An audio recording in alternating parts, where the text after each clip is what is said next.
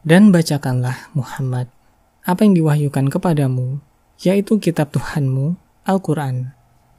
Tidak ada yang dapat mengubah kalimat-kalimatnya, dan engkau tidak akan dapat menemukan tempat berlindung selain kepadanya.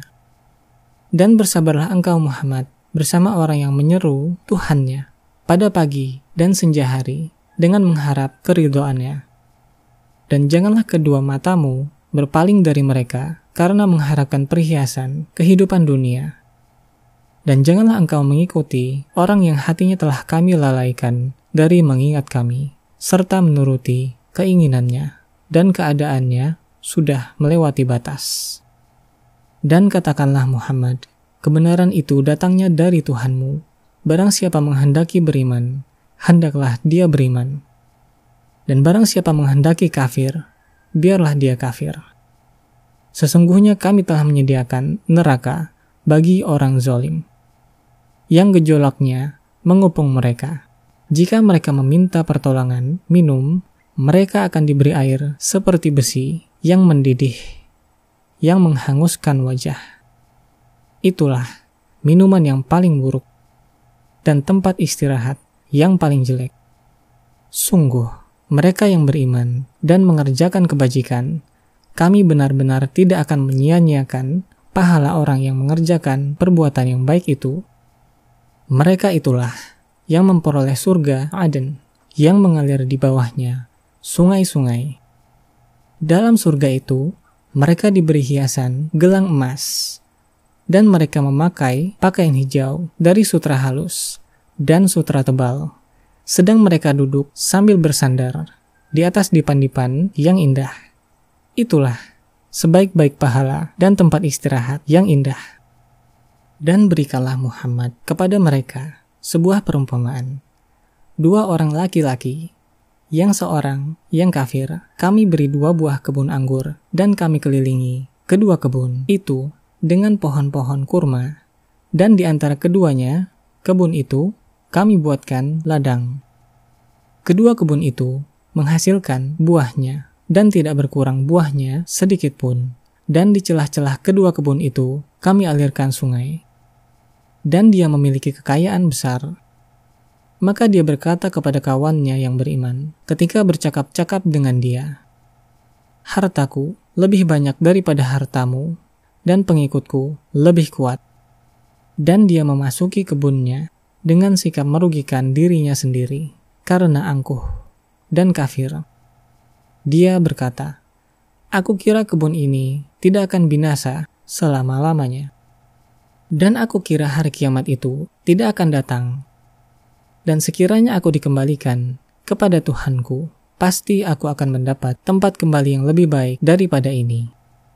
Kawannya yang beriman berkata kepadanya sambil bercakap-cakap dengannya, Apakah engkau ingkar kepada Tuhan yang menciptakan engkau dari tanah? Kemudian dari setetes air mani, lalu dia menjadikan engkau seorang laki-laki yang sempurna.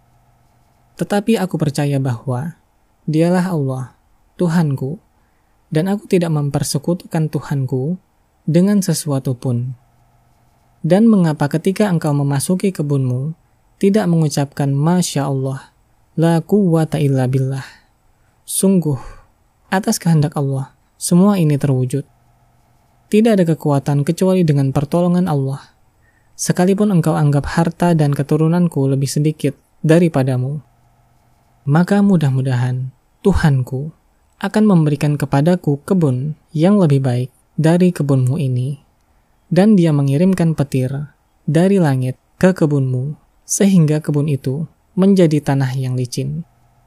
Atau airnya menjadi surut ke dalam tanah maka engkau tidak akan dapat menemukannya lagi. Dan harta kekayaannya dibinasakan. Lalu dia membolak-balikan kedua telapak tangannya, tanda menyesal terhadap apa yang telah dia belanjakan untuk itu. Sedang pohon anggur roboh bersama penyangga para-para. Lalu dia berkata, Betapa sekiranya dahulu aku tidak mempersekutukan Tuhanku dengan sesuatu pun dan tidak ada lagi baginya segolongan pun yang dapat menolongnya selain Allah, dan dia pun tidak akan dapat membela dirinya. Di sana, Pertolongan itu hanya dari Allah yang Maha Benar. Dialah pemberi pahala terbaik dan pemberi balasan terbaik. Dan buatkanlah untuk mereka manusia perumpamaan kehidupan dunia ini. Ibarat air hujan yang kami turunkan dari langit, sehingga menyuburkan tumbuhan-tumbuhan di bumi. Kemudian tumbuhan-tumbuhan itu menjadi kering yang diterbangkan oleh angin. Dan Allah Maha Kuasa atas segala sesuatu. Harta dan anak-anak adalah perhiasan kehidupan dunia tetapi amal kebajikan yang terus-menerus adalah lebih baik pahalanya di sisi Tuhanmu, serta lebih baik untuk menjadi harapan.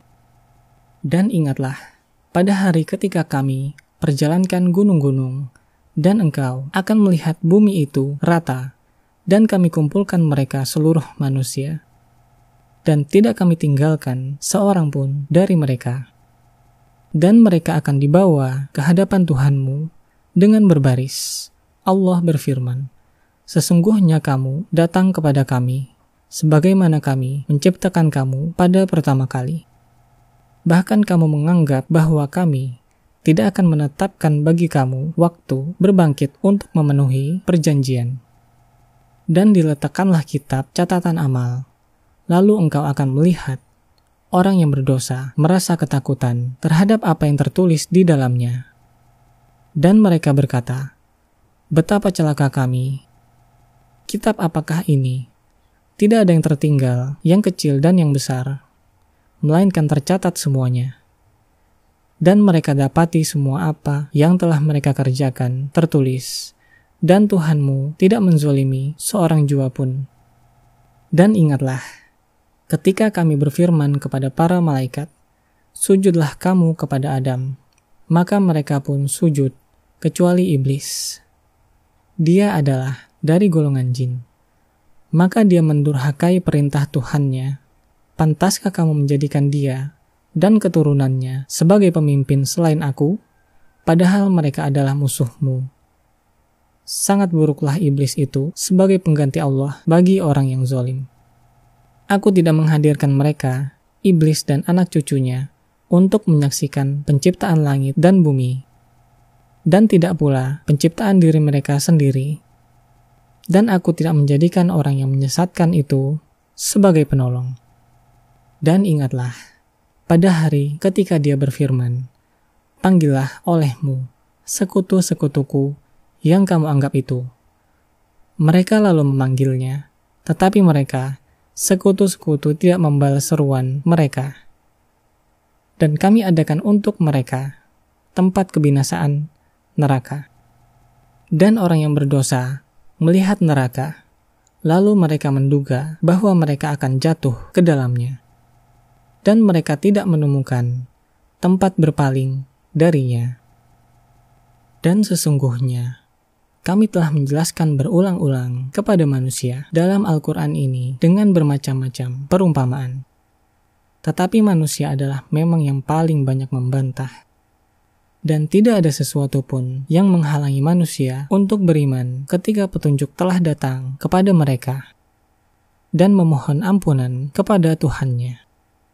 Kecuali keinginan menanti datangnya hukum Allah yang telah berlaku pada umat yang terdahulu atau datangnya azab atas mereka dengan nyata. Dan kami tidak mengutus rasul-rasul, melainkan sebagai pembawa kabar gembira dan pemberi peringatan tetapi orang yang kafir membantah dengan cara yang batil, agar dengan demikian mereka dapat melenyapkan yang hak, kebenaran, dan mereka menjadikan ayat-ayatku dan apa yang diperingatkan terhadap mereka sebagai olok-olokan. Dan siapakah yang lebih zalim daripada orang yang telah diperingatkan dengan ayat-ayat Tuhannya, lalu dia berpaling darinya dan melupakan apa yang telah dikerjakan oleh kedua tangannya Sungguh, kami telah menjadikan hati mereka tertutup, sehingga mereka tidak memahaminya. Dan kami letakkan pula sumbatan di telinga mereka. Kendati pun engkau Muhammad menyuruh mereka kepada petunjuk, niscaya mereka tidak akan mendapat petunjuk untuk selama-lamanya. Dan Tuhanmu, Maha Pengampun, memiliki kasih sayang Jika dia hendak menyiksa mereka karena perbuatan mereka, tentu dia akan menyegerakan siksa bagi mereka. Tetapi bagi mereka ada waktu tertentu untuk mendapatkan siksa yang mereka tidak akan menemukan tempat berlindung darinya. Dan penduduk negeri itu telah kami binasakan ketika mereka berbuat zolim. Dan telah kami tetapkan waktu tertentu bagi kebinasaan mereka.